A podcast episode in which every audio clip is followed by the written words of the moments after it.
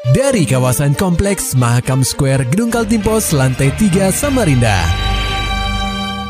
96,8 KPFM. Kita akan ikuti program KP Flash News.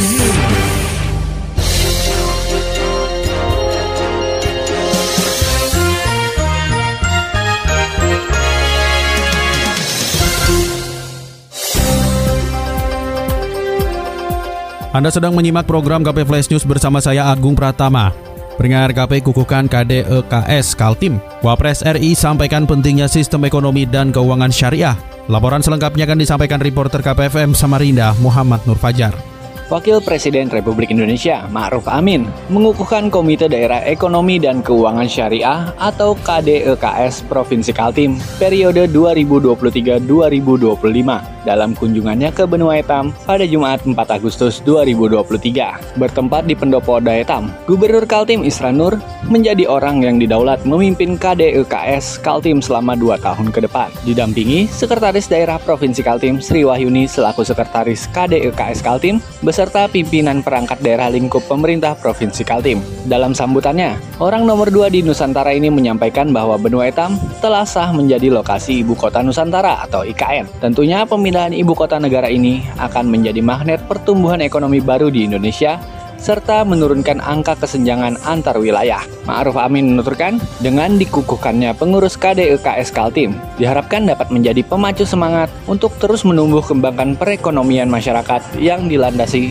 tuntunan syariat. Oleh sebab itu, KDEKS Kaltim perlu membangun ekosistem yang holistik dan berkelanjutan bagi pengembangan sektor bisnis dan usaha syariah. Terdapat empat fokus pengembangan ekonomi dan keuangan syariah yang harus dijalankan oleh jajaran KDEKS Kaltim antara lain pengembangan industri halal, industri syariah, dana sosial syariah, dan usaha atau bisnis syariah. Fokus keempat ini menjadi sangat penting dan menentukan karena tiga fokus lainnya akan sangat tergantung daripada berkembangnya bisnis atau bertumbuhnya para pengusaha yang berbasis syariah. Tidak akan mungkin ada yang bergerak di bidang industri halal kalau tidak ada pengusahanya. Juga industri keuangan kalau tidak ada pengusahanya. Begitu juga tidak akan ada orang yang memberi zakat, berinfak, berwakaf kalau tidak ada pengusaha yang punya uang. Karena itu menumbuhkan sektor usaha pengembangan bisnis syariah menjadi kunci ibarat yang lainnya itu adalah instrumennya, itu kendaraannya, bisnya. Sedangkan bisnis syariah adalah penumpangnya. Bisnis tidak akan berjalan, bis tidak akan pada artinya kalau tidak ada penumpangnya. Menutup sambutannya, Ma'ruf meyakini bahwa sistem ekonomi syariah dapat menyejahterakan seluruh manusia karena bersifat inklusif. Jadi tidak hanya untuk umat muslim saja, tetapi untuk non-muslim juga mengingat sistem ekonomi dan keuangan syariah bersifat rahmatan lil alamin, yakni rahmat bagi seluruh alam. KPFM Samarinda, Muhammad Nur Fajar melaporkan. Pendengar KP DPRD Kaltim mengkritik kinerja Pemprov Kaltim yang kurang optimal dalam menerbitkan aturan teknis menindaklanjuti terbitnya peraturan daerah atau perda yang telah disahkan melalui mekanisme rapat paripurna. Hal tersebut diutarakan anggota Komisi 3 DPRD Kaltim, Ekti Immanuel. Legislator Dapil Kubar Mahulu ini menjelaskan masih banyak perda yang telah diterbitkan DPRD Kaltim namun tidak memiliki petunjuk teknis berupa peraturan gubernur atau pergub. Contohnya perda tentang penyelenggaraan jalan umum dan khusus, pengangkutan batu bara dan kelapa sawit. Perda tersebut diketahui merupakan perda inisiatif dari Pemprov Kaltim, di mana Ekti terpilih menjadi ketua pansus untuk membahas perda tersebut. Perda tersebut dikatakan oleh Ekti telah tuntas dibahas dan dikonsultasikan dengan Kementerian Dalam Negeri sejak Agustus 2022 lalu. Namun sayangnya hasil konsultasi itu belum ditindaklanjuti dari Pemprov Kaltim, terutama dari Biro Hukum. Padahal politisi Gerindra ini menjelaskan bahwa regulasi tersebut telah melalui tahapan pengesahan pada rapat paripurna DPRD Kaltim. Ekti juga membantah saat disinggung mengenai kabar bahwa perda tersebut harus dibahas ulang karena berdasarkan hasil konsultasi Kemendagri perlu adanya perbaikan yang lumayan banyak. Itu informasinya gimana? Oh enggak, itu inisiatif daripada pemerintah untuk terkait dengan jalan batubara dan sawit itu inisiatif dari pemerintah karena dari dinas perhubungan ada proses uh, peraturan Undang-Undang Cipta Karya yang ada perubahan itu kan harus dicabut, ada yang dimasukkan dan itu sedikit nggak sampai 25 persen. Makanya peraturan daerah itu kalau melebihi 50 persen baru uji publik. Karena itu di bawah 50 persen kan tidak uji publik kemarin, sebentar aja selesai. Nah, Hmm, itu. jadi Jadi, itu sebenarnya tidak ada terkait masalah yang besar nggak ada. Oh, Ah, ah.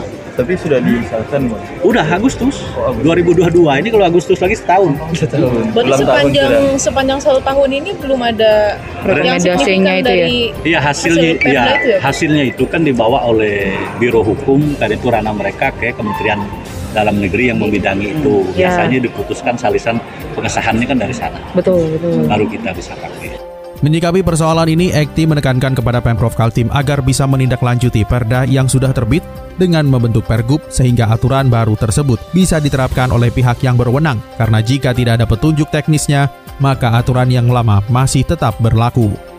Berita selanjutnya datang dari dunia ekonomi pendengar KP, inflasi Juli 2023 di Kaltim disumbang tiga komoditas, di antaranya rokok kretek. Berikut laporan KPFM Samarinda disampaikan oleh reporter KPFM Samarinda, Maulani Al-Amin. Rokok filter menjadi satu dari tiga komoditas dominan penyumbang inflasi di Kaltim pada periode Juli 2023. Dua komoditas lainnya adalah daging ayam dan angkutan udara. Menurut Kepala Kantor Perwakilan Bank Indonesia Provinsi Kalimantan Timur, Budi Widi Hartanto menerangkan, momen libur sekolah menjadi faktor utama inflasi di Kaltim. Penyebabnya lebih ke nah ini nih karena banyak itu di tenaga kerja juga kemarin efek liburan ya Eh, banyaknya mungkin siswa-siswa atau keluarga yang apa melakukan moving dari Kalimantan ke daerah lain atau sebaliknya yang menyebabkan harga tiket udara itu apa cukup tinggi dan memberikan kontribusi yang kemarin yang 0,43 persen banyak dari tiket satu udara transportasi. nah, transportasi nah yang kedua adalah eh, daging ayam ras. Kan restoran banyak tumbuh ya. Eh, okupansi hotel-hotel juga meningkat gitu ya. Otomatis kebutuhan sehari-hari seperti daging ayam, kemudian telur juga memang cenderungan meningkat. Nah, yang berikutnya juga antisipasi dari sisi harga price ya. Seperti rokok kretek gitu juga. Nah, itu juga otomatis ya meningkat karena semakin banyak orang di sini. Budi melanjutkan, koreksi harga sayuran seperti kacang panjang, bayam dan sawi hijau, serta penurunan harga emas perhiasan mampu menahan laju inflasi pada periode laporan. Secara umum, indeks harga konsumen atau IHK gabungan dua kota di Kaltim pada periode Juli 2023 tercatat alami inflasi sebesar 0,43 persen bulan ke bulan. Angka tersebut lebih tinggi dibanding periode sebelumnya yang mencatat inflasi sebesar 0,18 persen bulan ke bulan. Sementara itu, secara tahunan, inflasi Kaltim di periode Juli 2023 tercatat 3,56 persen tahun ke tahun. Angka itu lebih rendah dibandingkan periode sebelumnya yang berada di angka 3,76 persen tahun ke tahun. Tim Pengendali Inflasi Daerah atau TPID Sekaltim terus berupaya melakukan upaya pengendalian inflasi lewat Gerakan Nasional Pengendalian Inflasi Pangan atau GNPIP. KPFM Samarinda, Maulani Al-Amin melaporkan. Kabar selanjutnya datang dari dunia olahraga pendengar KP, tim angkat besi Kaltim berhasil meraih peringkat ketiga dalam babak kualifikasi PON. Total 11 lifter masuk dalam zona kelolosan dan 6 atlet meraih medali. Menurut Ketua Harian Persatuan Angkat Besi Seluruh Indonesia atau PAPSI Kaltim, Hendra Radinal Ari, hasil tersebut melebihi catatan di prapon sebelumnya. Hendra menjelaskan prapon ini menjadi ajang adu strategi, di mana rata-rata setiap daerah menyimpan kekuatan sesungguhnya. Pada prapon ini juga Kaltim berhasil membuat kejutan dengan menempatkan lifter mudanya Firda Khairunisa yang berhasil meraih emas. Bukan sekedar juara pertama, lifter jebolan Skoi itu juga berhasil memecahkan rekor nasional dengan mencatatkan angkatan clean and jerk dari 117 ke 118 kg dari rekor sebelumnya yang dipegang atlet asal Riau Maharani. Ya kami tidak mulut-mulut Pak Eko. Yang penting juga medali nih Pak. Dan kalau kami pastikan emas namanya angka besi olahraga ini ada keberuntungan, ada tidak beruntung, kami takut mentargetkan medali emas. Tapi insya Allah lah, zona medali akan kami wujudkan. Dengan hasil ini, Hendra optimistis angkat besi akan mencatatkan hasil lebih baik di PON 2024 nanti. Setidaknya perolehan kali ini jauh melebihi pencapaian Kaltim pada Prapon 2019 lalu. Maulani Alamin, Muhammad Nur Fajar, KPFM Samarinda. Serta dapatkan berita-berita selengkapnya di www.968kpfm.co.id. Demikian tadi telah kita simak rangkaian berita-berita yang terangkum dalam program KP Flash News. Persembahan dari 96,8 KPFM. Terima kasih dan sampai jumpa.